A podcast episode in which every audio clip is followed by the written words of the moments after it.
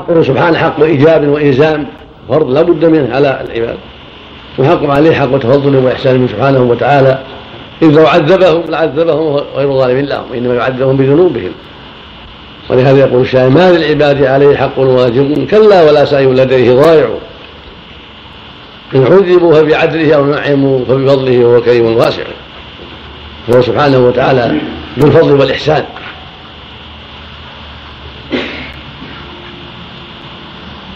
فعلى المؤمن يستشعر هذا دائما وأنه عبد ذليل مأمور منهي مربوب ربه الذي خلقه وتفضل عليه حتى وفقه لطاعته وحتى هداه لطاعته ولولا فضله لما لما اهتدى.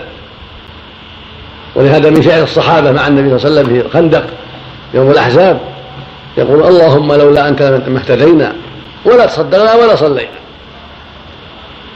فأنزل سكينة علينا وثبت الاقدام إلا قينا والنبي معه صلى الله عليه وسلم. فلولا الله الذي من بالفضل ومن بالهداية لما اهتدى المهتدون. ليس عليك هداهم ولكن الله يهدي من يشاء. نعم. الله المستعان نعم حدثنا مالك بن إسماعيل حدثنا زهير حدثنا حميد. عن انس رضي الله عنه. قال كان النبي صلى الله قال كان للنبي صلى الله عليه وسلم ناقة قال. وحدثني محمد بن الفزاري وأبو خالد الاحمر عن حميد الطويل عن أنس رضي الله عنه قال كانت ناقة لرسول الله صلى الله عليه وسلم تسمى عربا وكانت لا تسبق فجاء أعرابي على قعود له فسبقها واستدلنا نساء المسلمين وقال سرقت العرباء. فقال رسول الله صلى الله عليه وسلم إن حقا على الله ألا يرفع شيئا من الدنيا إلا الله. هذا هذا واضح في تواضع لأن هذه الدار ليست محل تمام النعيم وتمام فإنها منغصة ويعتريها ما يعتريها من النقص.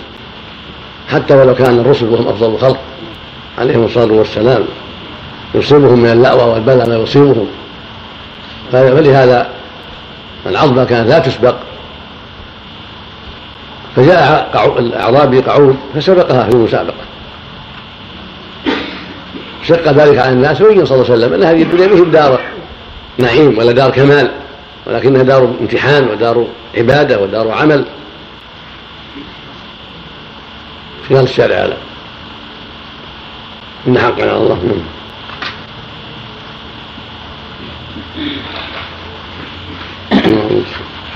يمر ألا ينفع وألا يرتفع. نعم.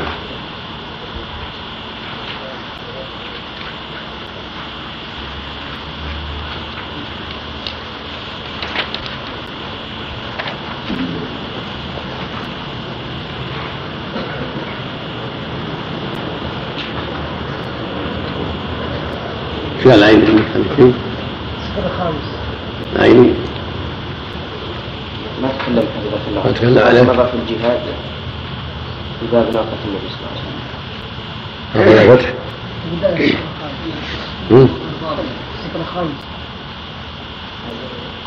السطر الخامس من صح كم؟ فيه إشارة إلى عدم الترفع. والحث على التواضع والإعلام بأن أمور الدنيا ناقصة غير كاملة شتى العين ها؟ السطر الرابع. أول الشرح. السطر الرابع.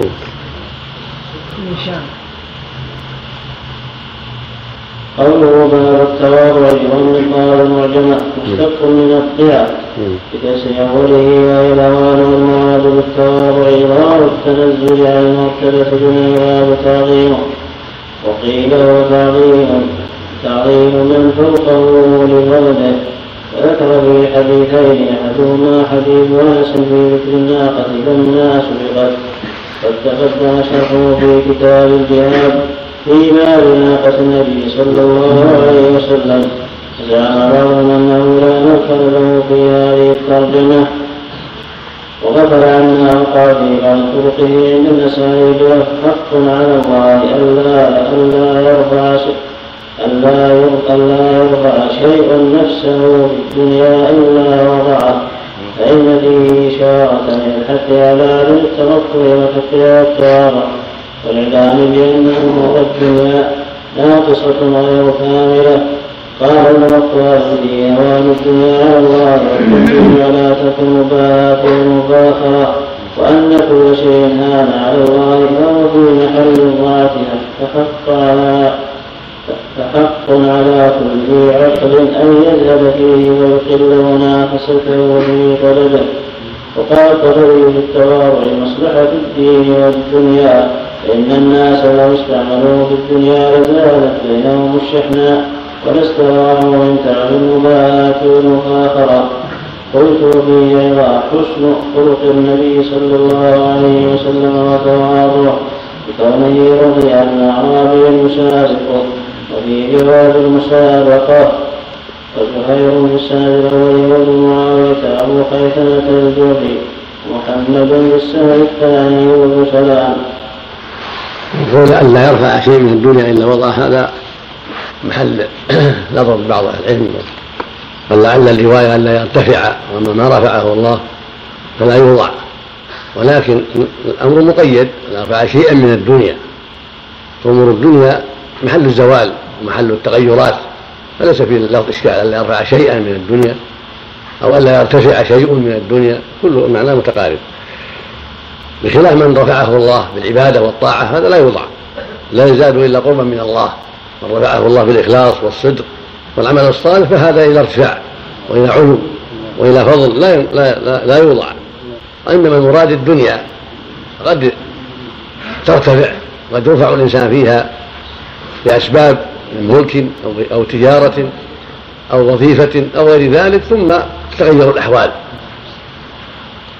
فيحصل الوضع. والمقصود جنس هذه الأمور الا يرفع شيء شيئا من الدنيا إلا وضع. يعني جنس جنس أمور الدنيا. وليس المعنى أن كل شيء يرفع يوضع. هذه ناقة اشتهرت بالسبق والقوة قوة العدو. ثم جاء هذا الاعراب بقعود فسبقها. ليبين سبحانه وتعالى أن هذه الأمور يعتريها ما يعتريها أن الناقة أو الفرس أو الإنسان وإن بلغ ما بلغ في القوة والعدو ونحو ذلك قد يأتي من هو خير من هو أقوى منه وأسرع منه. ليبين سبحانه بحال هذه الدنيا وأنها متفاوتة ومختلفة وأن يعتريها النقص فقد يضعف القوي وقد يجهل بعض أموره العالم وقد يعتري السابق والقوي ما يحجزه أو يعوقه عن السبق إلى غير هذا من الأسباب التي يقدرها سبحانه وتعالى. نعم. نعم. حدثني محمد بن عثمان بن كرامة. سباق الإبل كله طيب الإبل والعدو على الأقدام والخيل السباق لا بأس به لكن كلام في مسألة العوض العوض لا يكون إلا في في الإبل والخيل والنضال الرمي هذا محل السبق يعني العوض لقول النبي صلى الله عليه وسلم لا سبق إلا في نصر أو خف أو حافر الخف للإبل والحافر للخيل والنصر للرمي. نعم. نعم. حدثني محمد بن عثمان بن حرام حدثنا خالد بن مخلد حدثنا سليمان بن حدثني شريك بن عبد الله بن ابي عن عطاء النبي هريره رضي الله عنه قال قال رسول الله صلى الله عليه وسلم إن الله قال من عادى لي وليا فقد آذنته بالحرب. وما تقرب إلي عبدي بشيء أحب إلي مما افترضته عليه. ما يزال عبدي يتقرب إلي بالنوافل حتى أحبه فإذا أحببته كنت سمعه الذي يسمع به. وبصره الذي يبصر به ويده التي يبصر بها ورجله التي يمشي بها. وإن سألني لأعطينه ولئن استعاذني واستعاذ بي لأعيذنه وما ترددت عن شيء أنا فاعله ترددي عن نفس المؤمن. يكره الموت وأنا أكره مساءته. ما عندك بعده ولا بد له منه نسخة أخرى سؤال الشارع؟ وما ترددت عن شيء أول. أول. من عاد الإمام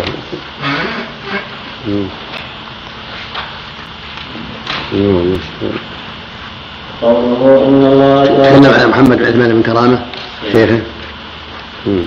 قوله محمد بن عثمان بن كرامة بفتح الكاف والراء قليلا ومن صغار شيوخ البخاري وقد شاركه كثير من شيوخه قال ابن مخلد شيخه في هذا الحديث وقد أخرج عنه البخاري كثيرا بغير واسطة منها في باب استعارة من الجبن وفي كتاب الدعوات وأخرجها إلى هذا قول عطاء ومن يسار وقع كذلك في النسخ وقيل له ابن ابي رباح قول أصح مد على ذلك. خطيب وساقط هذه فتنة خالد من الميزان ولم ذكر قول احمد في قول احمد في له مناكب وقول أبي حاتم لا يحتج واخرج ابن ابي عشرة احاديث من حديث استنكرها هذا الحديث من طريق محمد بن مخلد عن محمد بن عثمان بن كرامة شيخ البخاري فيه.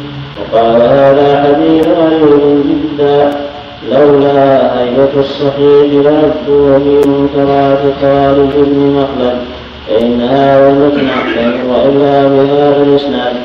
ولا خرجه من البخاري ولا غيره في مسند أحمد. قلت ليس في مسند أحمد جزما. وإطلاق أنه لم يروى إلا بهذا الإسناد مردود. ومع ذلك فشيخ شيخ شيخ خالد فيه مقال غيرها وراوي حديث المعراج الذي زاد فيه ونقص وقدم وأخر وتفرد فيه بأشياء لم يتابع عليها كما يفرقه في مستوى في مكانه ولكن الحديث طرق مخالف مجموعها على أن له أصلا منها عن عائشة أخرجه أحمد بن الزهري وابن الدنيا وأبو نعيم في الكلية والبيهقي من من طريق عن واحد منهم عن عمرة عنها وذكر ابن حبان وعلي انه تفرد به وقد قال البخاري انه منكر الحديث لكن اخرجه الطبراني من طريق يعقوب بن مجاهد وتقال مروي عمرة الا يعقوب وعبد واحد ومنها عن ابي امامه اخرجه الطبراني والبيهقي بسند سند ضعيف ومنها عن علي عند الاسماعيلي في مسند علي وعن ابن عباس اخرجه الطبراني وسنده ضعيف وعن أنس أخرجه ابو يعلى وبزار الطبراني وفي سنده ضعف أيضا. وعن حذيفه أخرجه الطبراني مختصر وسنده حسن غريب وعن معاذ بن جبل أخرجه ابن ماجه وابو نعيم في المختصر وسنده ضعيف أيضا بن منبه مقطوعا أخرجه أحمد بن الزهد وأبو نعيم بن الحلية وفيه تعقب على ابن حبان حيث قال بعد إخبار حديث أبي هريرة لا يعرف لهذا الحديث إلا طريقان يعني غير حديث الله. وهو هشام الكناني على انس وعبد الواحد وعبد الواحد بن ميمون عن عائشة وكلاهما لا يصح. وسأذكر في روايات من فائدة زائدة. بعد قوله إن الله تعالى قال الكرماني هذا من الأحاديث القدسية. وقد تقدم القول فيها قبل ستة أبواب. قلت وقد وقع في العقوقية للنبي صلى الله عليه وسلم حدث به عن جبريل الله عز وجل وذلك في حديث أنس. قوله من عادى لي وليا المراد بولي الله. العالم بالله الواظب على طاعته مخلص في عبادته وقد استشكل ورابطه مثل ما قال الله في كتابه العظيم. الولي هو المؤمن ومطيع لله ولرسوله أولياء الله أهل الإيمان من الرجال والنساء من كل جنس. ألا إن أولياء الله لا خوف عليهم ولا هم يحزنون. الذين آمنوا وكانوا يتقون. وما كانوا أولياء إن أولياؤه إلا المتقون. فأولياء الله هم أهل التقوى والإيمان أهل الطاعة والاستقامة. أهل الشعوذة كما يظن بعض الناس من أهل التصوف. وإنما أولياء الله هم أهل الإيمان والتقوى. نعم. وقد استشكل وجود أحد يعاديه لأن المعاداة إنما تقع من الجانبين. ومن الإنسان الولي الحلم والصفح عمن يجري عليه. أولي بأن المعاداة لم تنحصر الخصومة والمعارضة الدنيوية مثلا بل قد تقع عن بغض ينشأ عن التعصب كالرافضي في بغضه لأبي بكر والمبتدع في بغضه للسني فتقع معاداتها جانبين أما من جانب الولي فلله تعالى وفي الله. وأما من جانب الآخر فلما تقدم.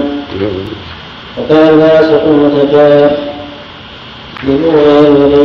نظرة قلنا شفت كلام وما ترددت آخر. ولا بد لهم قوله وما ترددت عن شيء أنا فاعله ترددي عن نفس المؤمن. وفي حديث عائشة ترددي عن موته. وقع في الحلية في ترجمة وهب بن منبه إني لأجد في كتب الأنبياء إن الله تعالى يقول ما ترددت عن شيء قط ترددي عن قبض روح المؤمن إلى آخره قال الخطابي والتردد في حق الله غير جائز والبدء عليه بالأمور غير سائر. ولكن له تأويلان أحدهما أن العبد قد يشرف على الهلاك في أيام عمره من يصيب وفاقة تنزل به. فيدعو الله فيشفيه منها ويدفع عنه مكروهها فيكون ذلك فعله كتردد من يريد امرا ثم يبدو له فيه فيتركه ويرضى عنه ولا بد له من لقائه اذا وضع كتاب وجهه لأن الله تعالى قد تكلم على خلقه واستاثر بالمقام لنفسه والثاني يكون معناه ما رددت رسلي في شيء نفعله كترديدي إياهم به نفس المؤمن. كما روي في قصة موسى وما كان من عين ملك الموت؟ وتردده إليه مرة بعد أخرى قال وحقيقة المعنى على الوجهين عطف الله على العبد ولطفه به وشفقته عليه. وقال ذلك ما حاصل. إنه عبر عن صفة الجهل بصفة الذات أي عن الترديد بالتردد وجعل متعلق الترديد اختلاف أحوال العبد من ضرب ونصب إلى أن إلى أن تنتقل محبته بالحياة إلى محبته ويكون على ذلك. قال وقد يحدث الله في قلب عبده من الرغبة فيما عنده. والشوق إليه ومحبة لقائه ما يشتاق معه إلى الموت وهو عن إزالة ترافعه فأخبر أنه يكره الموت ويسوءه فأخبر أنه يكره الموت ويسوءه ويكره الله مساءته فيزيل عنه كراهية الموت بما يولد عليه من الأحوال فيأتي الموت وهو ما ما هذا زيادة ولا بد له منه قوله يكره الموت وأنا اكره مساءته في حديث عائشة أنه يكره الموت وأنا أكره مساءته زاد ابن مخلد عن ابن كرامة في آخره ولا بد له منه زاد زاد ابن زاد ابن مخلد نعم. عن ابن كرامة. نعم. في آخره ولا بد له منه وقعت هذه زيادة في حديث وهب وأسند الباقي بالزهد عن الجنيد سيد الطائفة. قال تراكونا بما يلقى المؤمن من الموت وصعوبته وكربه وليس المعنى أن يكره له الموت لأن الموت يرجعه إلى رحمة الله ومغفرته انتهى وعبر بعض من هذا بأن الموت حتم مقضي وهو مفارقة روح الجسد. ولا تحصل ذلك إلا بأمر عظيم جدا كما جاء ابن عاصي أنه سئل وهو يموت فقال تعيد قول زاد ابن زاد ابن مخلد زاد ابن مخلد عن ابن كرامة في آخره ولا بد له منه ووقعت هذه الزيادة أيضا في حديث وهب وأسند البيهقي بس هل عندكم عيني ما تكلم عليه حين مرة ما نتكلم نتقدم ما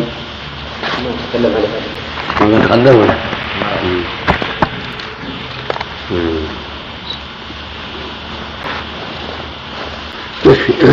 المقصود هذا الذي أشكل على كلمة الشراح وترددت كان فاعل ترددا قبل. لا ليس فيه إشكال.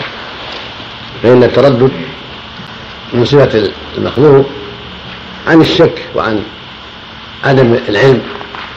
بالعواقب فيتردد ما هو الأحسن وما هو الأصلح. أما في حق الرب عز وجل فهو تردد يليق به سبحانه وتعالى. لا يشبه تردد المخلوقين. تردد يليق به سبحانه وتعالى ليس عن شك ولا عن جهل وهو العالم بكل شيء ولكنه تردد يليق به سبحانه وتعالى. مقتضاه رحمته لعبده وعطفه عليه وإحسانه إليه. فلا يكون هذا التردد نقصا ولا شبيها بما يقع للمخلوقين وإنما هو تردد يليق به لا يعلم كيفيته ولا كنها هو الله سبحانه كما نقول في بقية الصفات في كنها وكيفيتها. إنما نؤمن بها نقرها كما جاءت ونعلم أنها حق وأن معناها لائق بالله على الوجه الذي يناسبه سبحانه لا على وجه المشابهة للمخلوقين. وعندنا قاعدة ليس كمثله شيء وهو السميع البصير ولم يكن له كفوا أحد فلا تضربوا له الأمثال. فهو تردد لا يليق به سبحانه لا يتضمن نقصا ولا شكا ولا جهلا ولكنه تردد يليق بالله سبحانه وتعالى. مقتضاه رحمته لعبده وإحسانه إليه ولطفه به سبحانه وتعالى. وكراهة ما يؤذيه. نعم. الله هل يؤخذ هل يؤخذ ان بعض الأولياء يعرفون؟ نعم. هل يؤخذ من الحديث أن بعض الأولياء يعرفون؟ يمسح نعم. الرسل الرسل من أولياء الله يقينا. من الرسل الرسل من الرسل من أولياء الله والأنبياء من أولياء الله والمؤمنون من أولياء الله. كل مؤمن هو من أولياء الله. فمن عاد المؤمنين فقد عاد أولياء الله. ومن عاد أهل الاستقامة بطاعة الله فقد عاد أولياء الله. لا يطلق عليهم هم اولياء مؤمنون. لكن الانسان لا يزكي نفسه أنا ولي الله. لأنه قد يكون قصر. لكن المؤمن في نفس الأمر هم أولياء الله. مطيعون لله متبعون شريعته هم اولياؤه نعم. قوله سمعه الذي يسمع به وبصره مثل ما قال. الانسان اذا اعطينا تسديده وتوفيقه لهذا الشيء. لأن قال بعده والانسان اذا اعطينا والانسان اذا لوعدنه وفي الآخر فبي يسمع وبيبصر وبيبطش وبيمشي يعني أنه يوفق في حركاته وسكناته وفي حواسه وفي جوارحه بسبب طاعته لله وإيمانه به وتقواه لله يوفق في أعماله وتصرفاته. نعم. هذا من ثواب الله له. انه يوفقه للعمل الصالح ولإصابة الحق فيما يأتي ويذر. نعم. الشفقة إلى الله ما أعرف في هذا الشيء من الألفاظ. أقول ما أعرف فيها ورد فيها شيء من الألفاظ. تقع في تقع في كلمات بعض الناس لكن ما أعرف فيها شيء. نعم. مناسبة دخول الحديث الباب تواضع. نعم.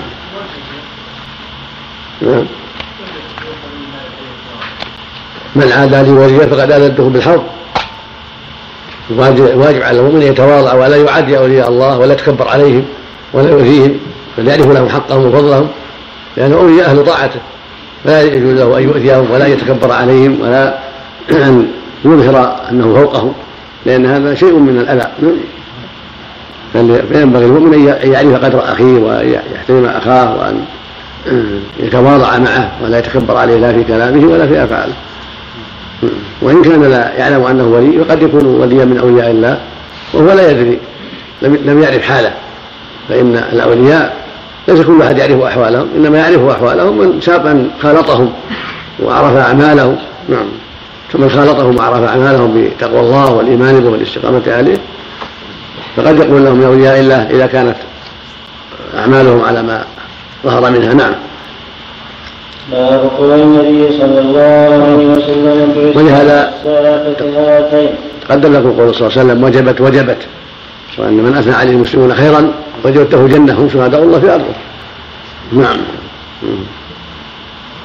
باب قول النبي صلى الله عليه وسلم بعثت المكان والساعة كهاتين وما الساعة إلا كلمح البصر يوم أقرب إن الله على كل شيء قدير. حدثنا سعيد بن أبي مريم حدثنا الصالح حدثنا أبو حازم عن سهل رضي الله قال قال رسول الله صلى الله عليه وسلم مكان الساعة كهاتين ويشير هكذا. السباحة والوسطى يعني قريب. هو خاتم الأنبياء عليه الصلاة والسلام. يزال بعده نبي. يزال بعده إلا الساعة.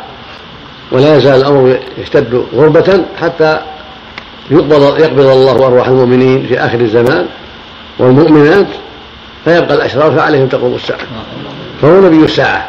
وإن له الساعة كهاتين. نعم. المعنى أنه ليس بعده نبي بل تقوم الساعة على عقبه على أتباعه بعدما يقبل الله أرواح المؤمنين. نعم. حدثني عبد الله بن محمد ويدل هذا على أن ما مضى من الدنيا هو الأكثر وما بقي منها إلا القليل. مثل ما بين الإصبعين اللي بينهما قليل والماضي أكثر. فمعنى أن ما مضى منها هو الأكثر مضى أكثرها ومضى معظمها ولم يبقى إلا القليل الذي تقوم الساعة فيه. نعم. اللهم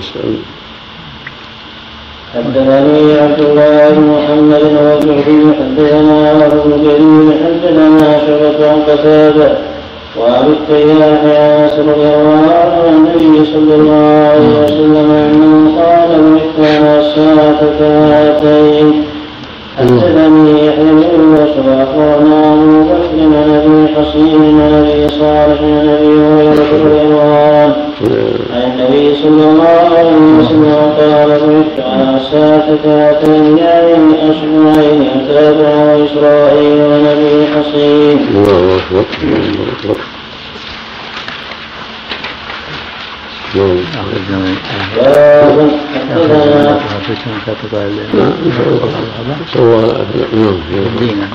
نعم نسأل الله نعم باب حدثنا بما اخبرنا شيء حدثنا وزياد عن عبد الرحمن عن ابي هريره رضي الله عنه ان رسول الله صلى الله عليه وسلم قال لا تقوم الساعة حتى تطلع الشمس من مغربها.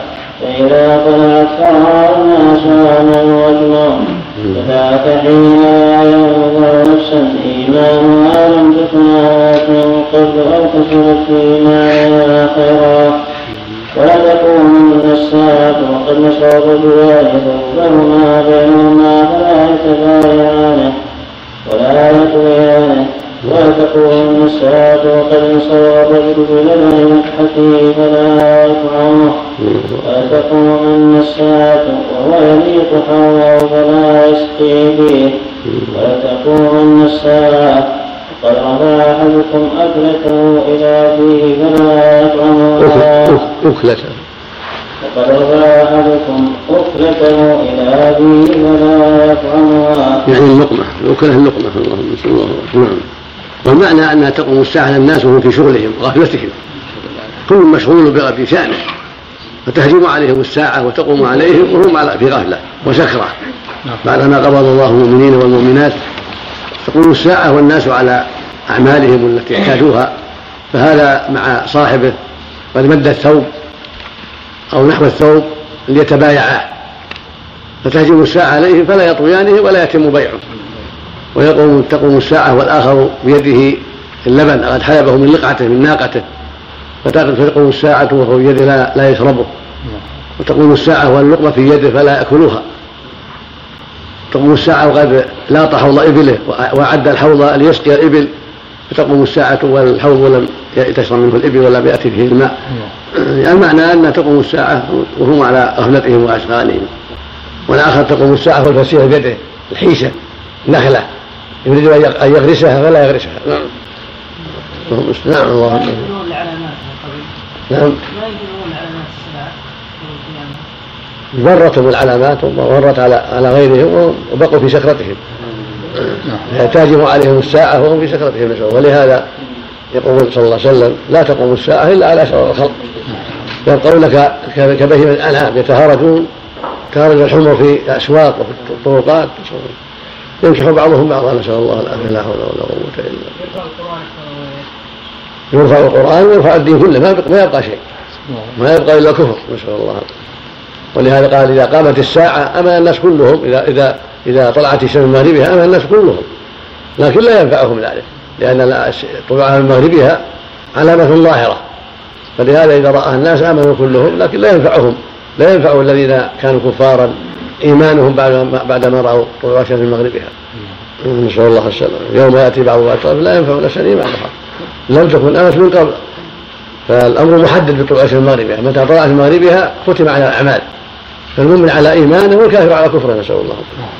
نعم. باب ما احب لقاء الله. ثم يبعث الله ريحا طيبة مسها مس الحرير. فتقبض أرواح المؤمنين والمؤمنات فلا يبقى إلا الاشراف عليهم تقوم الساعة. نسأل الله العافية. باب من أحب لقاء الله ويحب الله لقاءه.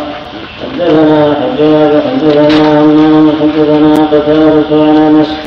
عن عبادة بن الصامت رضي الله عنه عن النبي صلى الله عليه وسلم قال من أحب لقاء الله أحب الله لقاءه ومن كره لقاء الله كره الله لقاءه. قالت عائشة الله أزواجه إنا لنكره الموت. قال ليس ذلك ولكن ولكن الموت إذا ولكن المؤمن إذا حضره الموت بشر برضوان الله وكرامته فليس شيء أحب إليه مما فأحب لقاء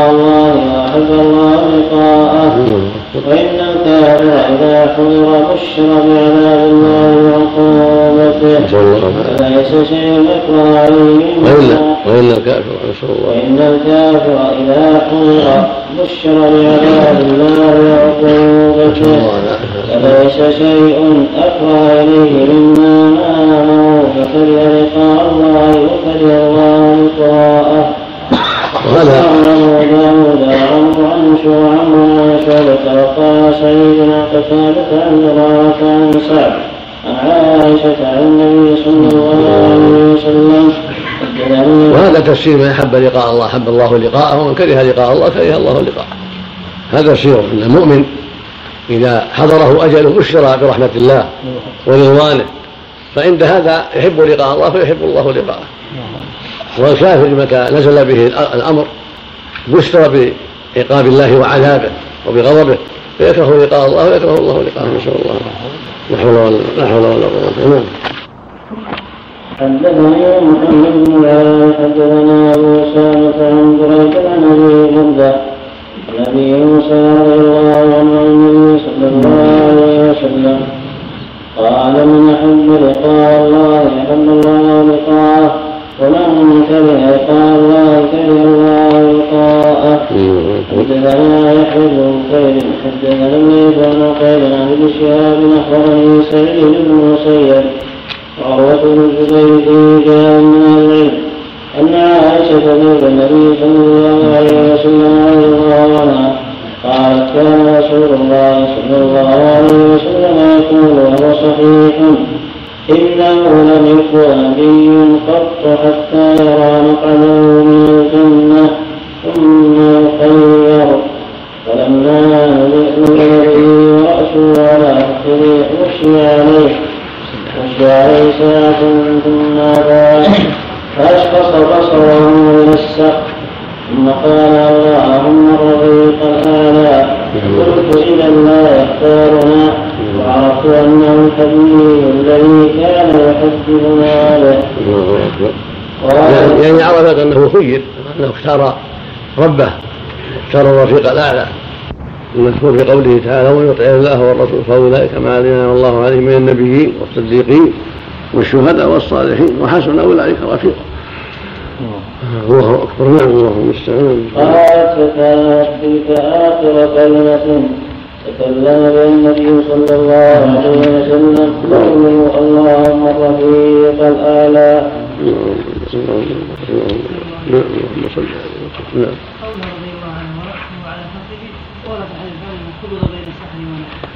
لا منافاة يمكن ذيك الساعة بس على فخذه ثم اعتدل جلسته نعم نعم. باب سكرات الموت مرة الشرق اللهم صل على نعم. اللهم صل على نعم. من سمع سمع الله به يوم القيامة في حديثين اختلفوا بعض الطلبة. أمس بعد صلاة الصبح هنا سأل عن المشاكل ما هي طيبة. فمن جهة أنه ما في في البخاري صحيح مسلم أحاديث ضعيفة فكان لي شريك في السيارة للشيخ ناصر الألباني فوجدت في الشريط يقول إنه حديث سبعة يظلهم الله يوم لا الا ظله. يقول هذا جاء في قوله صلى الله عليه وسلم من تصدق بيمينه. جاء مقلوب من تصدق بالشمال؟ معنى من تصدق بالشمال؟ هذه رواية هذه رواية لكن محفوظ في الصحيحين. المحفوظ الصحيحين من صدق ورجل صدق بالصدقة فأخفاها نعم. حتى لا تعلم شماله ما تنفق يمينه وهم بعض الرواة. فقال تصدق بيمينه حتى لا تعلم شماله ما حتى تعلم يمينه ما تنفق شماله. هذا وهم بعض الرواة. الأشياء. يقع بعض- الروايات. يقع بعض الأشياء في هذا. هذا نبه العلماء ولا, يضر. لأن الصحيحين رويا الشيء الصحيح وأثبتاه. ف- فالطهور يقع من بعض الرواة غلط في بعض الروايات. هذا ما يقع في الصحيح وغير الصحيح. لكن حديث الصحيحين كلها محفوظة. سوى حديث واحد إن مسلم خلق الله التوبه يوم السبت إلى اخره وقع فيه بعض غلط. حديث ابن عباس برضه يقول إنه تزوج آه، هذا حديث أيضا. هذا من ابن عباس وهم ابن عباس. وهو حديث صحيح. الحديث؟ الحديث صحيح عن ابن عباس لكن هو لوهم ابن عباس. ظن أنه تزوجها محرم والصواب ان زوجها وهو حلال وهو حلال. هذا مو مو غلط في الرواية. غلط في فهم ابن عباس وما رواه. نعم. حديث غير البخاري ومسلم؟ نعم. الحديث حديث بعض الألفاظ في بعض الالفاظ اختلف فيها الرواة. صح بعضهم هذا اللفظ بعضهم لا. اصل لكن أصل الحديث صحيح. أصل الأحاديث صحيحة كان وجود بعض الألفاظ وبعض وهم بعض الألفاظ. وقع في كل كتاب. نعم. حديث الجساس أحسن الله إليك صحيح نعم. في مسلم. نعم. بسم الله الرحمن الرحيم.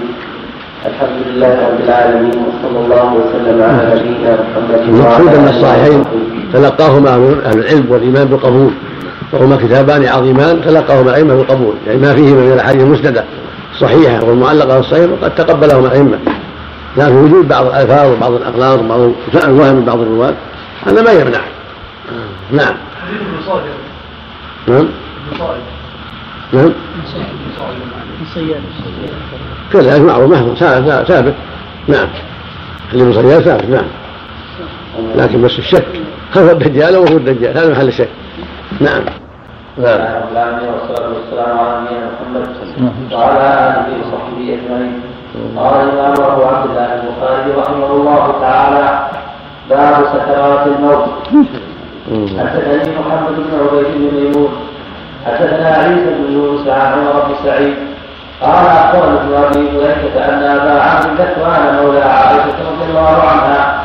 أخبره أن عائشة رضي الله عنها كانت تقول إن رسول الله صلى الله عليه وسلم كان كان بين يدي ركبة أو عنبة فيها ماء يشك عمر فجعل يدخل يده في الماء فيمسح بها وجهه ويقول لا إله إلا الله إن للموت سكرات ثم نصب يده فجعل يقول في الرفيق الأعلى حتى قبض ومالت يده.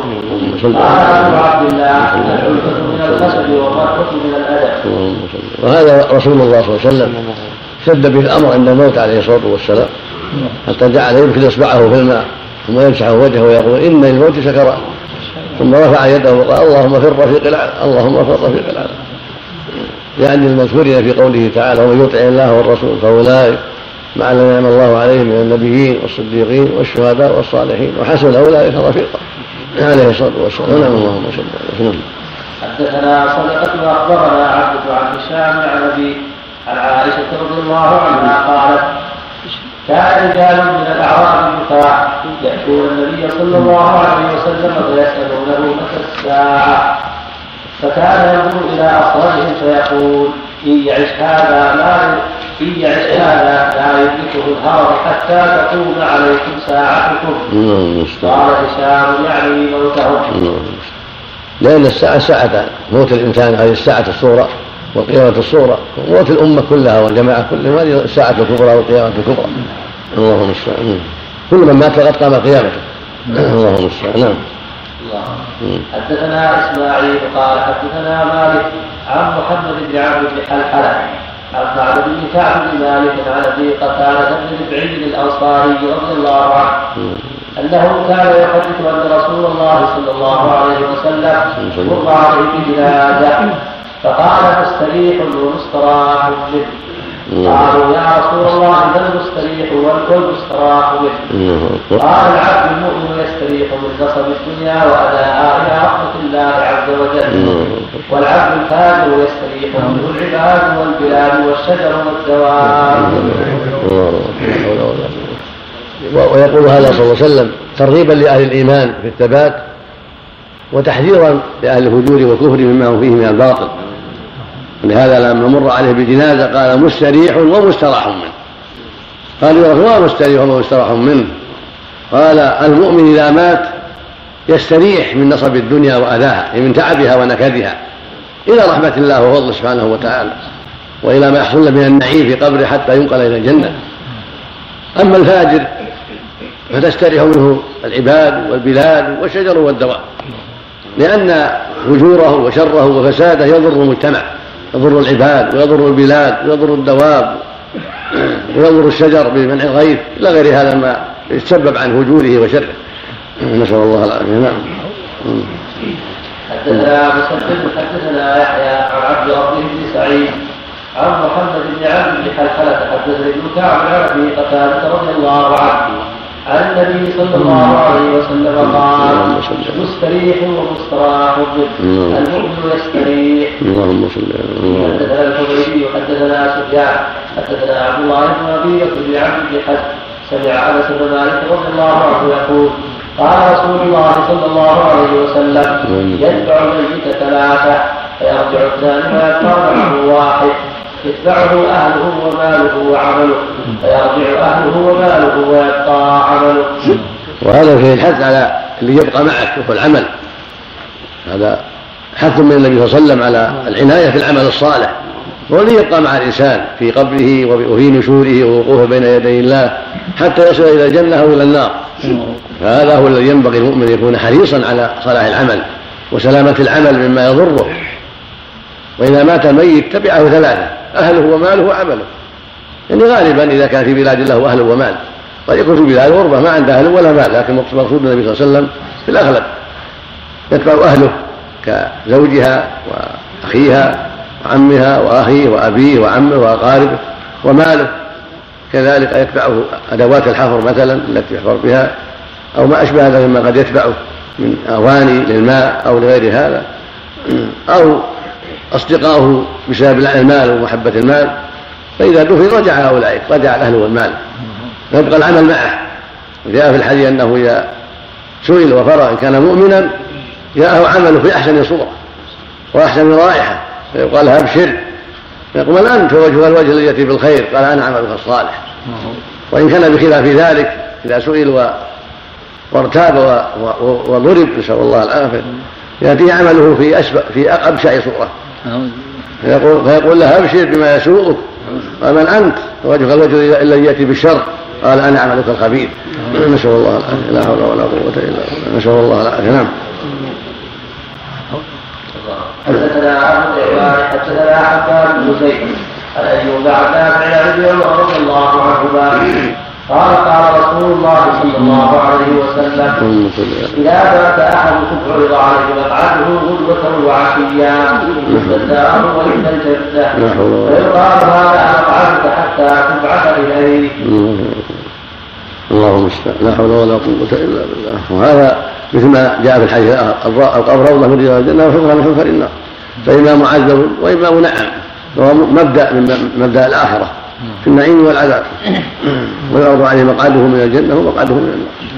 فيأتي المؤمن شيء من ريحها وطيبها ويأتي الكافر شيء من شرها وسمومها وعذابها. نسأل الله لا حول ولا قوة إلا بالله. الله هذا على الروح والبدن يليه نصيبه وإن كان في القبر وإن, وإن تمزق وإن كان في بطون السباع وإن كان في البحار يأتيه نصيبه بإذن الله سبحانه وتعالى.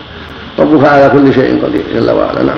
اللهم المستعان وإن كان الميت من المؤمنين مثلا ولكن صاحب كبائر. هذا تحت تحت مشيئة الله أمره إلى الله سبحانه وتعالى. نعم. نسأل الله العافية. حدثنا علي بن جعفر أخبرنا شعبة.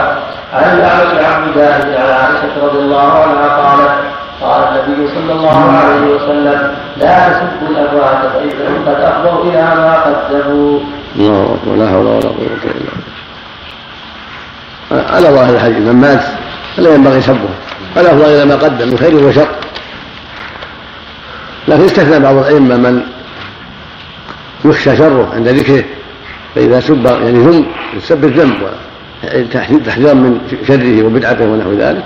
ولا يدخل في هذا إذا إذا كان حدثنا أبو حدثنا حسان بن زيد عن أيوب عن نافع عن ابن عمر رضي الله عنهما. قال قال رسول الله صلى الله عليه وسلم إذا مات أحدكم عرض عليه مقعده غدوة وعشيا فالدار وإن الجدة فيقال هذا مقعدك حتى تبعث إليه. اللهم المستعان لا حول ولا قوة إلا بالله. وهذا مثل ما جاء في الحديث الآخر القبر روضة من رياض الجنة وحفرة من حفر النار. فإما معذب وإما منعم وهو مبدأ من مبدأ الآخرة. في النعيم والعذاب. ويعرض عليه مقعده من الجنة ومقعده من النار. فيأتي المؤمن شيء من ريحها وطيبها ويأتي الكافر شيء من شرها وسمومها وعذابها. نسأل الله لا حول ولا قوة إلا بالله. ثم الله هذا على الروح والبدن يليه نصيبه وإن كان في القبر وإن, وإن تمزق وإن كان في بطون السباع وإن كان في البحار يأتيه نصيبه بإذن الله سبحانه وتعالى. ربك على كل شيء قدير جل وعلا. نعم. اللهم المستعان وإن كان الميت من المؤمنين مثلا ولكن صاحب كبائر. هذا تحت تحت مشيئة الله أمره إلى الله سبحانه وتعالى. نعم. نسأل الله العافية. نعم. حدثنا علي بن جعفر أخبرنا شعبة. عن الأعمش عن مجاهد عن عائشة رضي الله عنها قالت قال النبي صلى الله عليه وسلم لا تسبوا الأموات فإنهم قد أفضوا إلى ما قدموا. الله أكبر. لا حول ولا قوة إلا بالله. على ظاهر الحديث من مات فلا ينبغي سبه. الافضل إلى ما قدم من خير وشر. لكن استثنى بعض الأئمة من يخشى شره عند ذكره فإذا سب يعني ذم يسب الذنب تحذيرا من شره وبدعته ونحو ذلك. ولا يدخل في هذا اذا إذا كان بهذا القصد. كما قد وقع النبي صلى الله عليه وسلم ولغيره في هذا الباب ما يدل على ذم أهل الشر والتحذير منهم وإن كانوا أمواتا من باب التحذير من بدعهم وشرهم. مثل ما الحديث الصحيح مر على النبي الجنازه فاتوا عليها خيرا. فقال وجبت. ثم مر بأخرى فاتوا عليها شرا. قال وجبت. ولم ينكر عليهم. يا ما وجبت قال ذكرتم أتيتم على هذا خيرا فوجبت له الجنة. وأتيتم على هذا شرا فوجبت له النار. أنتم شهداء الله في الأرض. دل ذلك على الميت الذي قد عرف بالشر.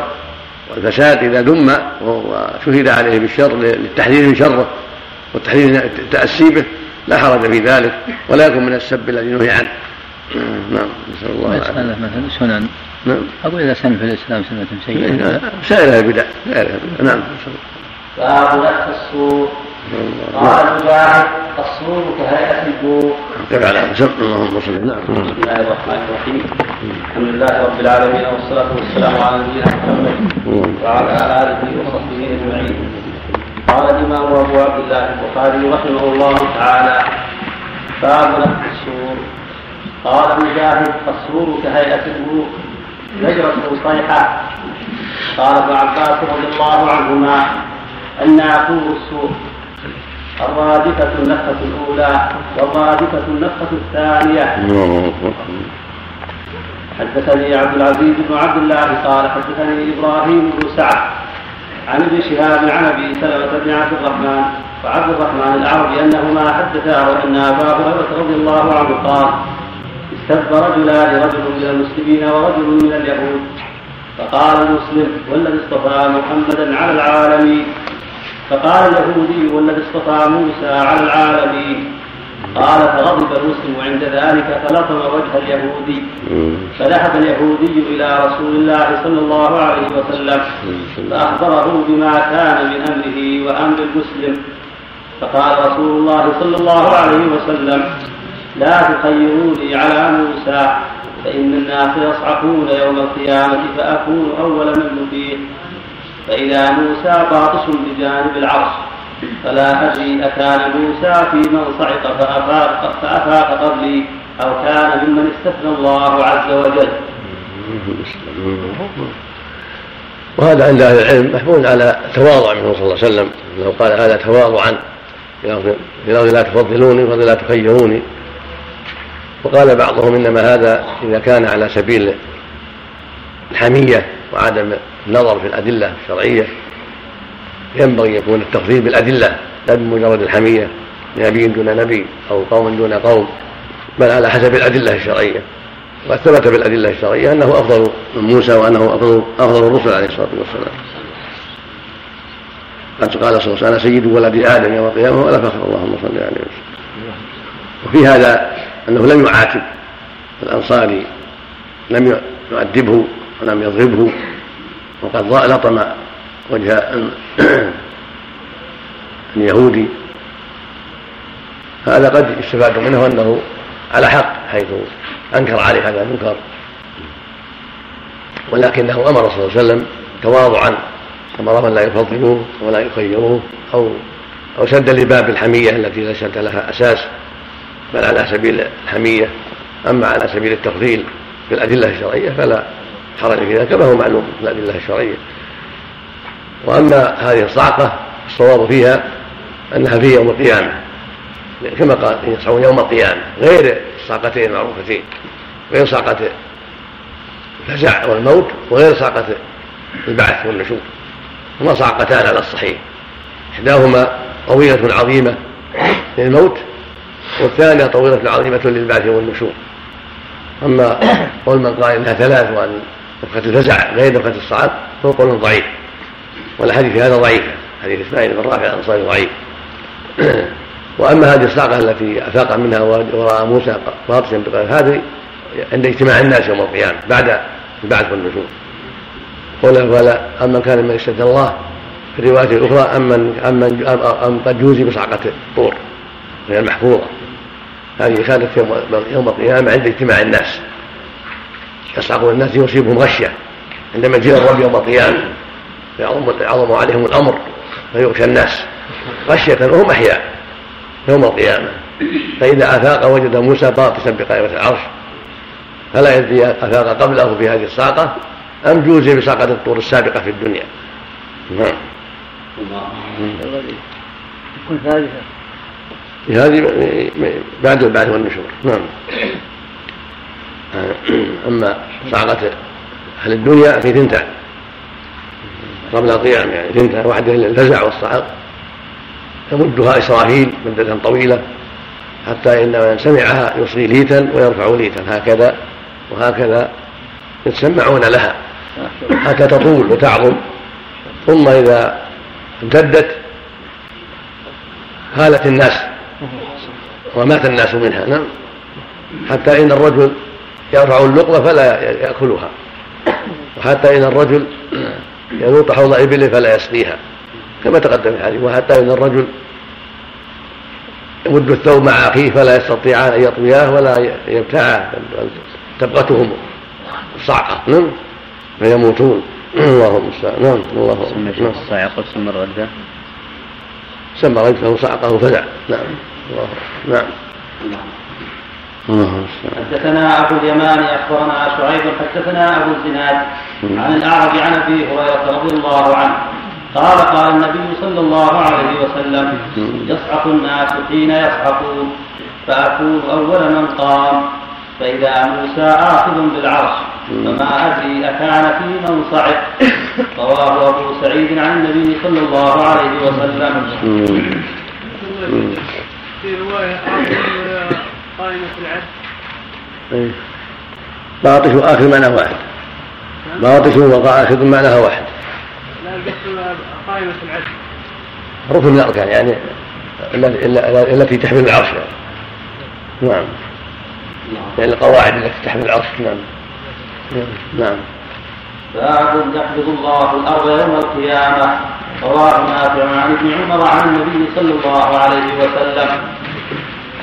حدثنا محمد بن مقاتل اخبرنا عبد الله. العرش يؤتى به يوم القيامة يفصل بين القضاء والله يجي يوم القيامة يفصل بين القضاء بين عباده. غير القضاء غير الملائكة الثمانية يحملون في الدنيا. ويحمل العرش فوقه يومئذ يوم القيامة. على أحد القولين وفي الدنيا أربعة. وهذه قائمة من القوائم يوم القيامة بعد البعث والنشور. الله المستعان نعم حدثنا محمد بن مقاتل أخبرنا عبد الله. أخبرنا يونس عن أبي سلمة حدثني سعيد بن المسيب عن أبي هريرة رضي الله عنه عن النبي صلى الله عليه وسلم قال يقبض الله الأرض ويأتي السماء بيمينه ثم يقول أنا الملك أين ملوك الأرض؟ حدثنا يحيى بن بكير حدثنا الليث عن خالد عن سعيد بن أبي هلال عن زيد بن أسلم عن عطاء بن يسار عن أبي سعيد الخدري رضي الله عنه. قال النبي صلى الله عليه وسلم تكون الأرض يوم القيامة خبزه واحدة يتكفاها الجبار بيده. كما يكثر أحدكم خبزته في السفر نزلا لأهل الجنة. فأتى رجل من اليهود فقال بارك الرحمن عليك يا أبا القاسم. ألا أخبرك بنزل أهل الجنة يوم القيامة؟ قال بلى. قال تكون الأرض خبزه واحدة. كما قال النبي صلى الله عليه وسلم.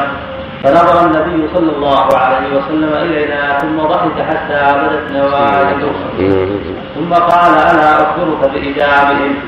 قال إجابهم لام ونون قال وما هذا؟ قال ثور ونون يأكل من زائدة كبدها سبعون ألفا. قال قال إيش؟ ثم قال ألا أخبرك بإدامهم؟ نعم. قال إدامهم باء لام ونون مم. قال وما هذا؟ قال ثور ونون ثور؟ ثور ونون نعم. يأكل من زائدة كبدها سبعون ألفا. مم. نعم. نعم. نعم. يأكل من زائدة كبدهما سبعون ألفا. نعم. نعم.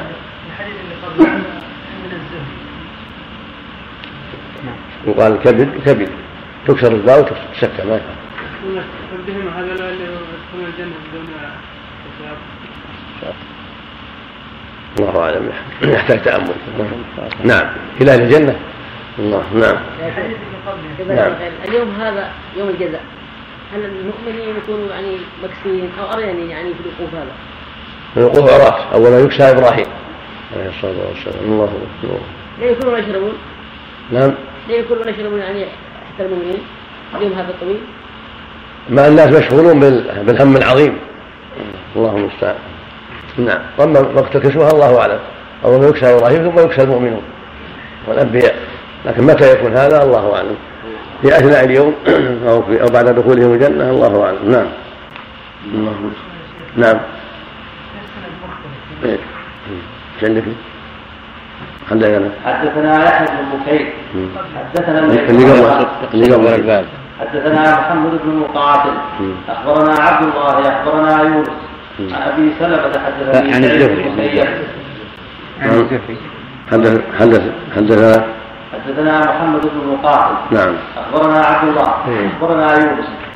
عن أبي سلمة حدثني سعيد بن المسيب يونس عن عن الزهري. اي نعم. هذا عندنا كان يونس عن نعم. إيش قال الشافعي تعرضه إيش قال قوله عن أبي سلمة كذا قال يونس. إيه. خالفه عبد الرحمن بن بن خالد فقال عن الزهري عن سعيد بن المسيب. كما تقدم في تفسير سورة الزمر أعد أعد إيه. قوله عن أبي سلمة. إيه. كذا قال يونس. إيه. وخالفه عبد الرحمن بن خالد. فقال عن الزهري عن سعيد بن المسيب. ادخاله في شيخ الزهري. ولا الزهري موجود. من يونس يروي, عن الزهري عن يونس عن أبي سلمة. وفي رواية أخرى عن الزهري عن سعيد بن المسيب. بدل بدل أبي سلمة. الزهري موجود على لا نعم. صادق عندك. نعم صادق عندك نعم. نعم. حدثنا سعيد بن أبي مريم. أخبرنا محمد بن جعفر. قال حدثني أبو حازم قال سمعت سهل بن سعد رضي الله عنه. قال سمعت النبي صلى الله عليه وسلم يقول يحشر الناس يوم القيامة على أرض بيضاء عفراء كقرصة النقي. قال سهل أو غيره ليس فيها معلم لأحد.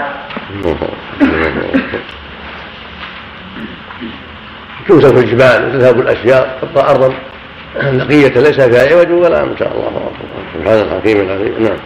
الله الحشر حدثنا معل بن أسد حدثنا وهيب عن طاووس. عن ابي عن أبي هريرة رضي الله عنه.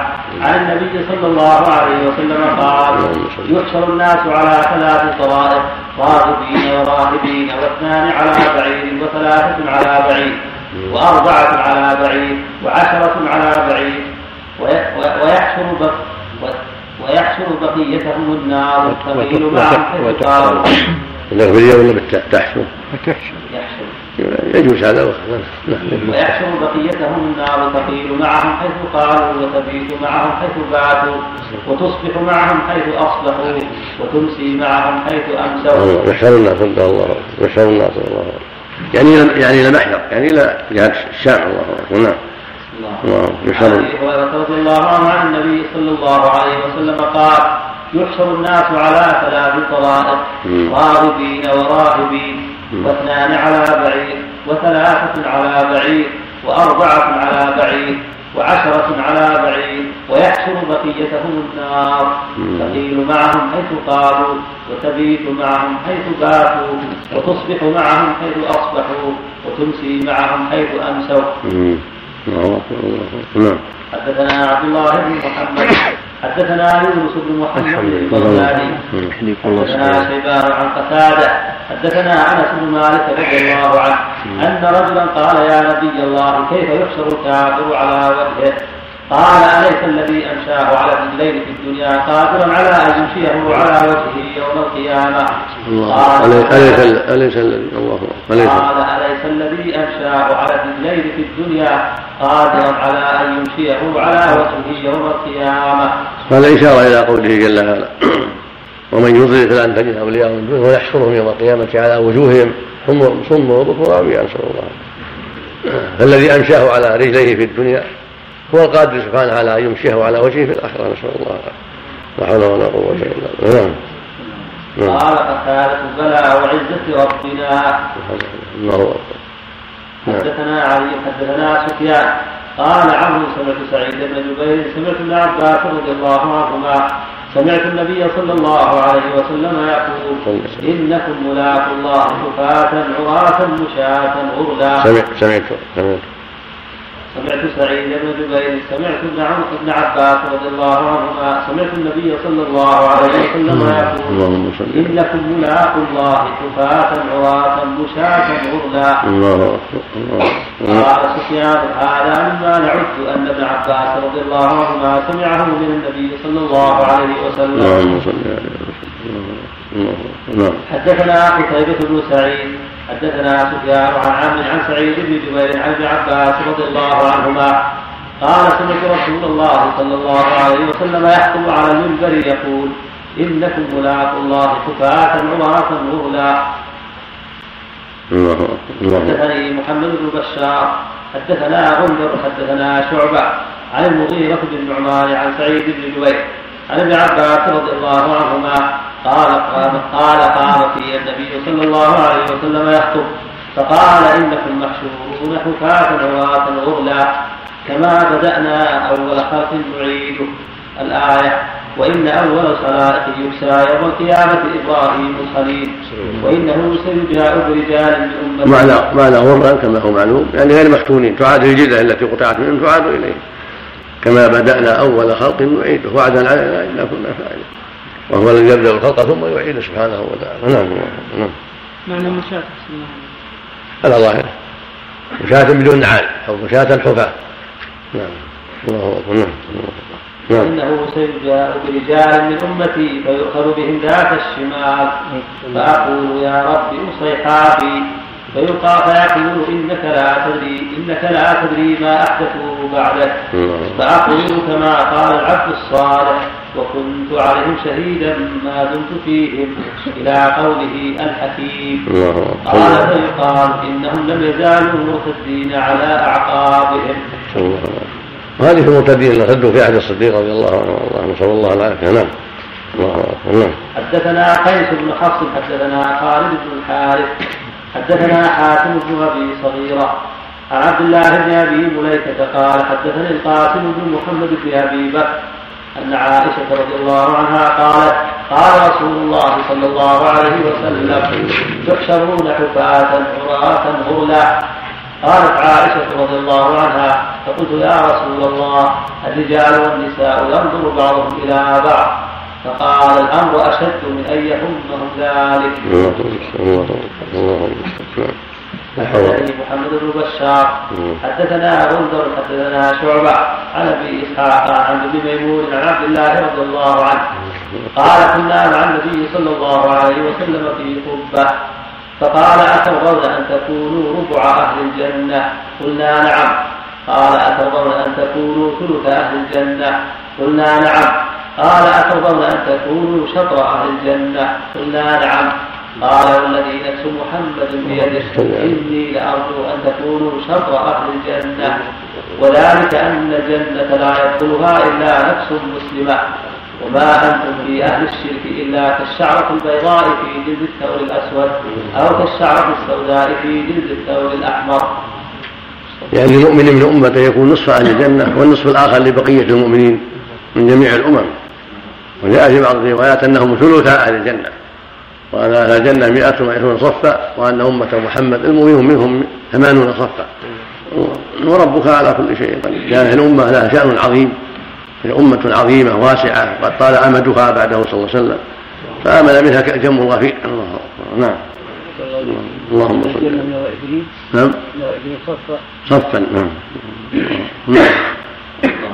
حدثنا إسماعيل حدثني أخي عن سليمان عن ثور عن ابي الغيث عن أبي هريرة رضي الله عنه أن أن النبي صلى الله عليه وسلم قال أول من يدعى يوم القيامة آدم فتراءى ذريته. بعد الشيء لا نعم. اخر نعم. أول أول من يدعى يوم القيامة آدم. فتراءى ذريته فيقال هذا أبوكم آدم. الله فيقول لبيك وسعديك. الله فيقول أخرج بعد جهنم من ذريتك. الله فيقول يا رب كم أخرج فيقول أخرج من كل مئة تسعة وتسعين. فقالوا يا رسول الله إذا أخذ منا من كل مئة تسعة وتسعون فماذا يبقى منا قال إن أمتي قال إن أمتي في الأمم كالشعرة كالشعرة البيضاء في الثور الأسود. وفي اللفظ الآخر إن فيكم أمتين. لا تكون في أحد في أمة إذا كثرتاه يأجوج ومأجوج أيضا. منكم واحد ومنهم ألف. الله أكبر. بعدها الله؟ باب قوله عز وجل إن زلزلة الساعة شيء عظيم. الله كان أول ما قرأت. الله الله أكبر. الأمر عظيم نسأل الله حسن الختام؟ ولا حول ولا قوة إلا بالله. نسأل الله العافية. قوله باب نفخ الصور تكرر ذكره في القرآن في الأنعام والمؤمنين والنمل والزمر وقاف وغيرها وهو بضم المهملة وسكون الواو. وثبت كذلك في القراءات المشهورة والأحاديث. وذكر عن الحسن البصري أنه قرأها بفتح الواو جمع الصورة. وتأوله على وحكي عنه وذكر عن الحسن البصري انها قرأها بفتح جمع صوره. غير الصور يعني الأرواح هي ردة الأرواح إلى اجسادها يعني. لكن هذا قول شاذ ليس بشيء. نعم هذا قول ليس بشيء. وإنما هو الصور فقط. النعم القرن الذي ينفخ فيه الله اكبر نعم. يا شيخ جزاك الله خيرا. ما أله قساوة القلوب هذه؟ كانوا الصحابة لا. ذكروا النار وذكروا الآخرة سبح سبح اذكر ربك سبح اذكر ربك. اذكر ربك وأكثر من ذكر الله واذكر ذنوبك وان شاء الله يلين قلبك. نعم. نعم. وتأوله على أن إفراد النفس في الأجساد لتعاد إليها الأرواح نعم. وقال أبو عبيدة في المجاز قال الصور يعني بسكون الواو جمع سورة كما يقال سور المدينة جمع سورة قال الشاعر لما أتى لما أتى خبر الزبير تواضعت سور المدينة فيستوي مع القراءتين وحكى مثله الطبري عن قول وزاد كالصوف جمع صوفة قالوا والمراد النفخ في الصور وهي الأجساد بتعاد فيها الأرواح كما قال تعالى ونفخت فيه من روحي وتعقب قوله وتعقب قوله جمع بأن هذه أسماء وأجناس لا جموع وبالغ النحاس وغيره في الرد على التأويل وقال الأزهري إنه خلاف ما دل عليه أهل السنة خلاف ما عليه أهل السنة والجماعة. قلت وقد أخرج أهل الشيخ في كتاب العظمة من طريق وهب بن منبه من قوله قال خلق الله الصورة من لؤلؤة بيضاء في صفاء الزجاجة. ثم قال للعرش خذ الصور. فتعلق به. خذ الصورة خذ الصورة نعم. ثم قال العرش خذ الصورة. فتعلق به. ثم قال فتعلق به ثم قال كن فكان إسرافيل فأمره أن يأخذ الصور فأخذه به كتب بعدد كل روح مخلوقة ونفس منفوسة فذكر الحديث وفيه ثم تجمع الأرواح كلها في الصور. ثم يأمر الله إسرافيل فينفخ فيه فتدخل كل روح في جسدها. فعلى هذا فالنفخ يقع في الصور أولا ليصل النفخ بالروح إلى الصور وهي الأجساد. وإضافة النفخ إلى الصور الذي هو القول حقيقة وإلى الصور التي هي الأجساد مجاز قوله قال مجاهد الصور كهيئة البروق وصله اليابي من طريق اليابي نجيح عن مجاهد. قال في قوله تعالى ونفخ في الصور. قال كهيئة البروق وقال صاحب الصحاح البروق الذي يزمر به وهو معروف. يقال للباطل. يعني يطلق عليه يطلق ذلك عليه مجازا كونه من جنس الباطل. تنبيه. لا يلزم من كون الشيء مذموما الا يشبه به الممدوح فقد وقع تشبيه صوت الوحي بصوصله الجرس مع النهي عن مع النهي عن استصحاب الجرس كما تقدم تقريره في بدء الوحي. والصور إنما هو قرن كما جاء في الأحاديث المرفوعة وقد وقع في قصة بدء الأذان بلفظ البوق وللقرض في الآلة التي يستعملها اليهود للأذان. ويقال أن الصور اسم القرض بلغة أهل اليمن. وشاهده قول الشاعر نحن نفخناهم نحن نفخناهم غداة نفعين نفخا شديدا لا كنفخ الصورين. وأخرج أبو داود والترمذي وحسنه النسائي وصححه ابن حبان والحاكم. في حديث عبد الله بن عمرو بن العاص رضي الله عنهما قال جاء أعرابي إلى النبي صلى الله عليه وسلم فقال ما الصور قال قول يوثق فيه. والترمذي وأيضا حسنه ومن حديث أبي سعيد مرفوعا كيف أنعم وصاحب الصور قد التقم الأرض واستمع الاذن متى يؤمر بالنفس وأخرجه الطبراني من حديث زيد بن أرقم وابن مرضية من حديث أبي هريرة رضي الله عنه. ولأحمد والبيهقي من حديث ابن عباس رضي الله عنهما وفيه. جبريل عن يمينه وميكائيل عن يساره وهو صاحب الصور يعني إسرافيل وفي أسانيد كل منهما مقال وللحاكم بسند حسن عن عن يزيد بن الأصم عن أبي هريرة رضي الله عنه رفع إن طرف إن إن إن طرف صاحب السور منذ أكل به مستعد ينظر نحو العرش. مخافة أن يؤمر قبل أن يرتد إليه طرفه لأن عينيه كوكبان دريان قوله زجرة صيحة. ومن تفسير مجاهد أيضا وصله الغيابي من طريق نجيح عن مجاهد في قوله تعالى فإنما هي زجرة واحدة فإذا هم ينظرون قال صيحة. وفي قوله تعالى فإنما هي زجرة واحدة فإذا هم بالسائرة قال صيحة قلت وهي عبارة عن نفخ السور النفخة الثانية. وما عبر بها عن النفخة الأولى في قوله تعالى ما ينظرون إلا صيحة واحدة تأخذهم. الآية. قوله قال ابن عباس رضي الله عنهما أن ناقور السور. وصله الطبري وابن أبي حاتم من طريق علي بن أبي طلحة عن ابن عباس رضي الله عنهما في قوله تعالى فإذا نقر في الناقور قال السور ومعنى نقر نفخ قاله بالأساس. وأخرج البيهقي من طريق عن ابن عباس رضي الله عنهما في قوله تعالى فإذا نقر في الناقور قال رسول الله صلى الله عليه وسلم كيف أنعم وقد التقم صاحب القرض القرض الحديث. تنبيه. اشتهر أن صاحب الصور إسرافيل عليه السلام ونقل فيه الحليمي الإجماع ووقع التصريح به في حديث وهب بن منبه المذكور وفي حديث أبي سعيد عند البيهقي وفي حديث أبي هريرة رضي الله عنه عند ابن مردوية اللهم صل على وبارك اللهم اللهم استعان نسال الله حسن العفو الحمد لله رب العالمين والصلاة والسلام على أشرف الأنبياء والمرسلين.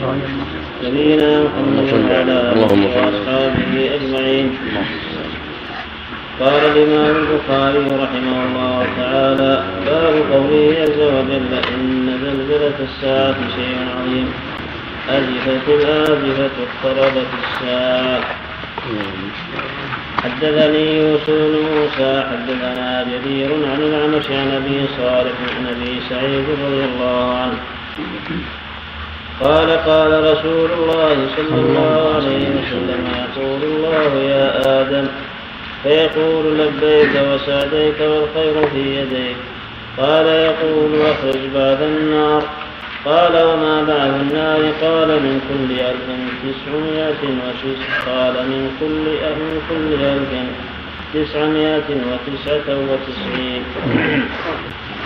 فذاك حين يشيب الصغير وتضع كل ذات حمل حملها وترى الناس سكارى وما هم بسكارى وترى الناس سكرى. وترى الناس سكرى وما هم بسكرى ولكن عذاب الله شديد. فاشتد ذلك عليهم وقالوا يا رسول الله أينا ذلك الرجل؟ قال أبشروا فإن من يأجوج ومأجوج ألفا ومنكم رجل. ثم قال والذي نفسي بيده إني لأطمع أن تكونوا ثلث أهل الجنة. قال الله وكفرنا ثم قال والذي نفسي بيده إني لأطمع أن تكونوا شطر أهل الجنة. إن مثلكم في الأمم كمثل الشعرة البيضاء في جلد الثور الأسود أو كالرحمة في ذراع الحمار.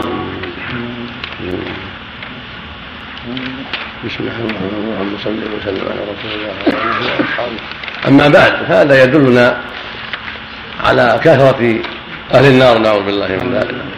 وأن أكثر الخلق لم يستجيبوا للرسل عليهم الصلاة والسلام.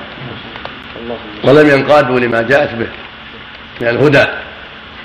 فلهذا في هذا الحديث أن حصة جهنم من كل ألف تسعة تسعمائة وتسعة وتسعون. وهذا يدل على كثرة عظيمة وعلى قلة من استجاب للأنبياء. وقال قد قال سبحانه وما أكثر الناس ولو حرصت بمؤمنين. قال جل وعلا وقليل من عباد الشكور. سبحانه ولقد صدق عليه إبليس الظن فاتبعوه إلا فريقا من المؤمنين. قال عز وجل وإن تطع أكثر من يضلوك عن سبيل الله. وفي قصة نوح وهود وصالح وغيرهم بعد كل واحد يقول إن في ذلك لآية وما كان أكثرهم هذا يوجب للمؤمن ويوجب للعاقل الحذر لئلا يصيب ما أصاب الأكثرين. يوجب الإنسان أن يسأل ربه دائما الثبات على الحق. وأن يبتعد عن أسباب الفتن وأسباب الشر ويجاهد نفسه لله لعل الله يمن عليه بالثبات على الحق وحسن الختام. قد عظم الأمر على المسلمين لما أخبرهم بهذا عليه الصلاة والسلام. قال أينا ذلك الواحد بكل ألف؟ قال أبشروا فإن فيكم يأجوج ومأجوج ألف منكم واحد.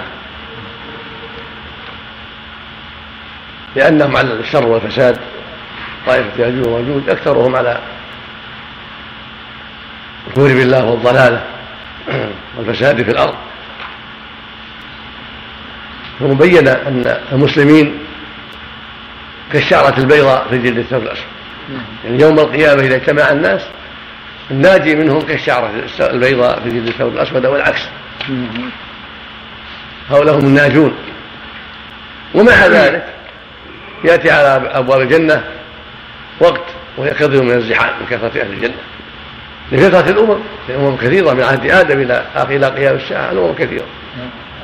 مع كون الناجين قليلا لكنهم باجتماعهم من هذه الأمم الكثيرة والقرون المتتابعه كثروا حتى صارت أبواب جهنم عند أبواب الجنة عند دخولها عليها كثير من الزحام. وما بين الاصبعين أربعين عاما. هذا يدل على أن الداخلين للجنة كثيرون من الأمم وأكثرهم من هذه الأمة.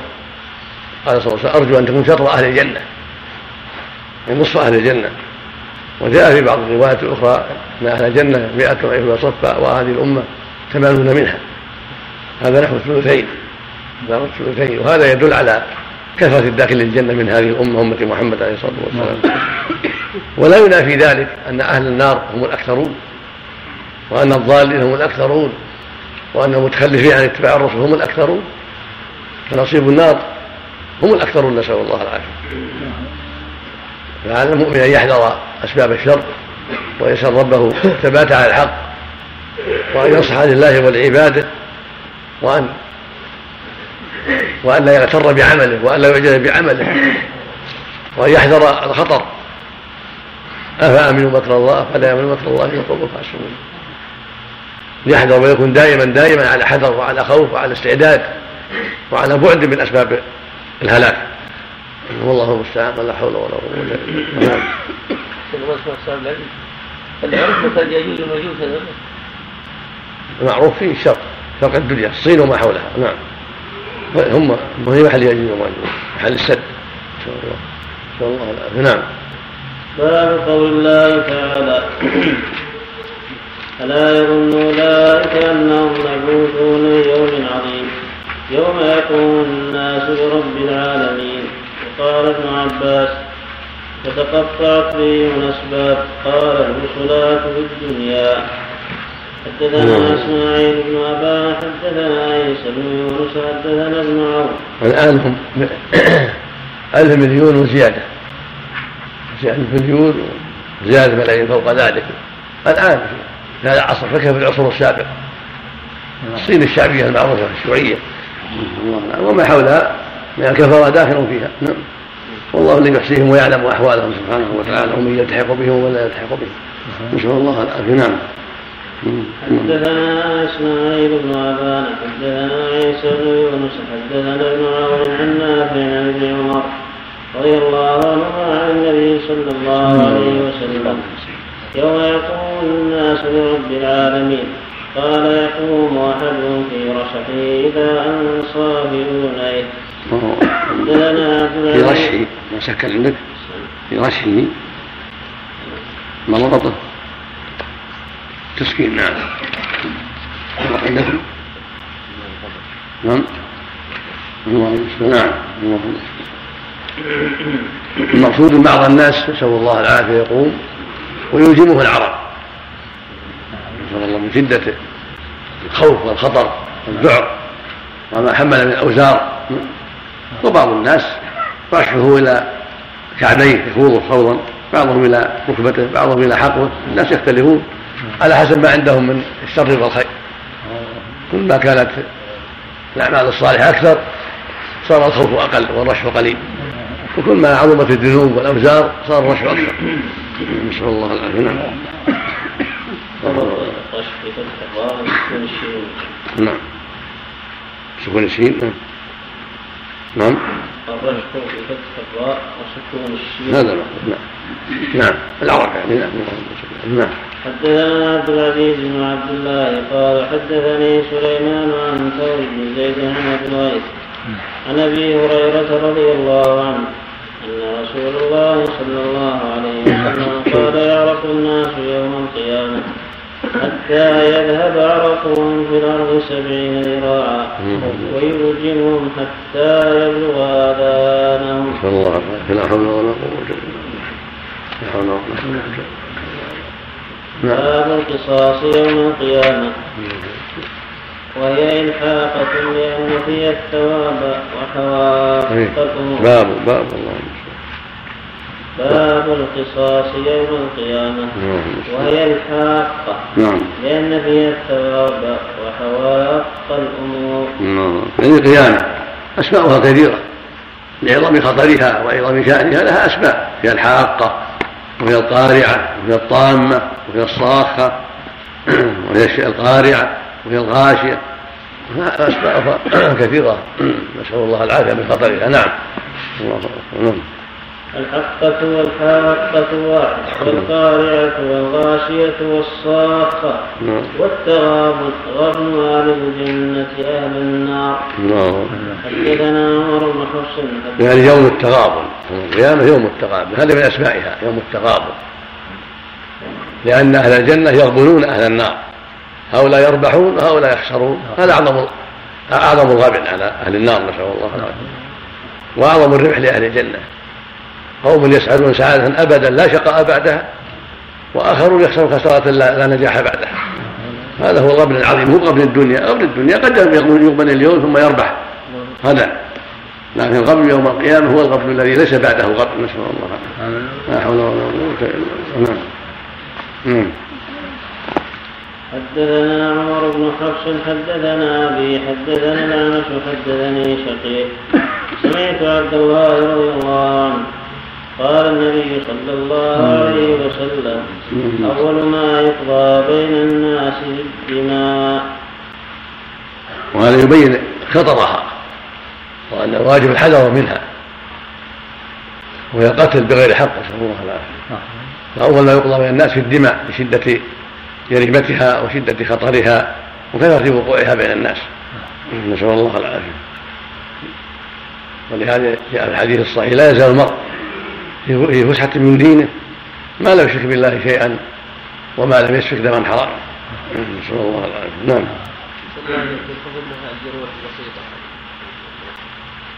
المقصود ما دخل معه ومن كان من العدوان والظلم دخل داخلا في هذا. نسأل الله العافية. قوة حدثنا إسماعيل قال حدثني مالك عن سعيد بن مقبول عن أبي هريرة رضي الله عنه أن رسول الله صلى الله عليه وسلم قال من كانت عنده مظلمه لأخيه ويتحلل منها نعم، نعم. حدثنا الله. حدثنا إسماعيل قال حدثني مالك عن سعيد المقبولي عن أبي هريرة رضي الله عنه. أن رسول الله صلى الله عليه وسلم قال من كانت عنده مظلمة لأخيه فليتحلل منها فإنه ليس ثم دينار ولا درهم من قبل أن يؤخذ لأخيه من حسناته. فإن لم يكن له حسنات أخذ من سيئات أخيه فطرحت عليه. فليتحلل ويتبع فليتحلل نعم. قال من كانت عنده مظلمة لأخيه فليتحلل منها. فإنه ليس ثم دينار ولا درهم. من قبل أن يؤخذ لأخيه من حسناته. فإن لم يكن له حسنات أخذ من سيئات أخيه فطرحت عليه.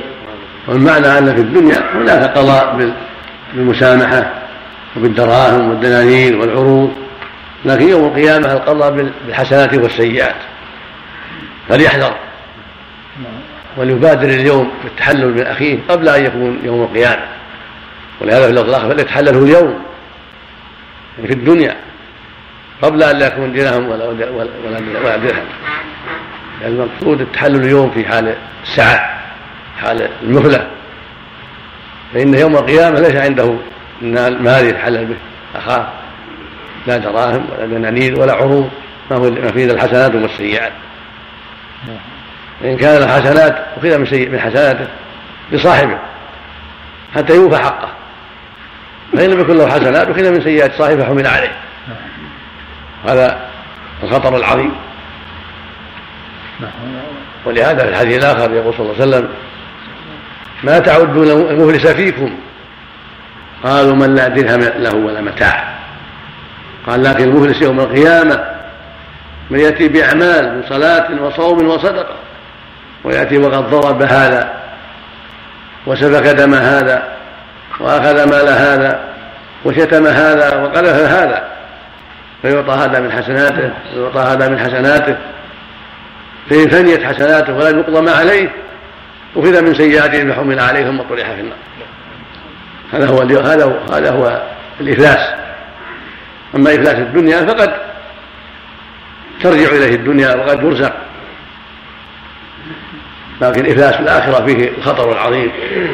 كونه تؤخذ حسناته وتدفع لغيره أو يحمل من سيئات غيره.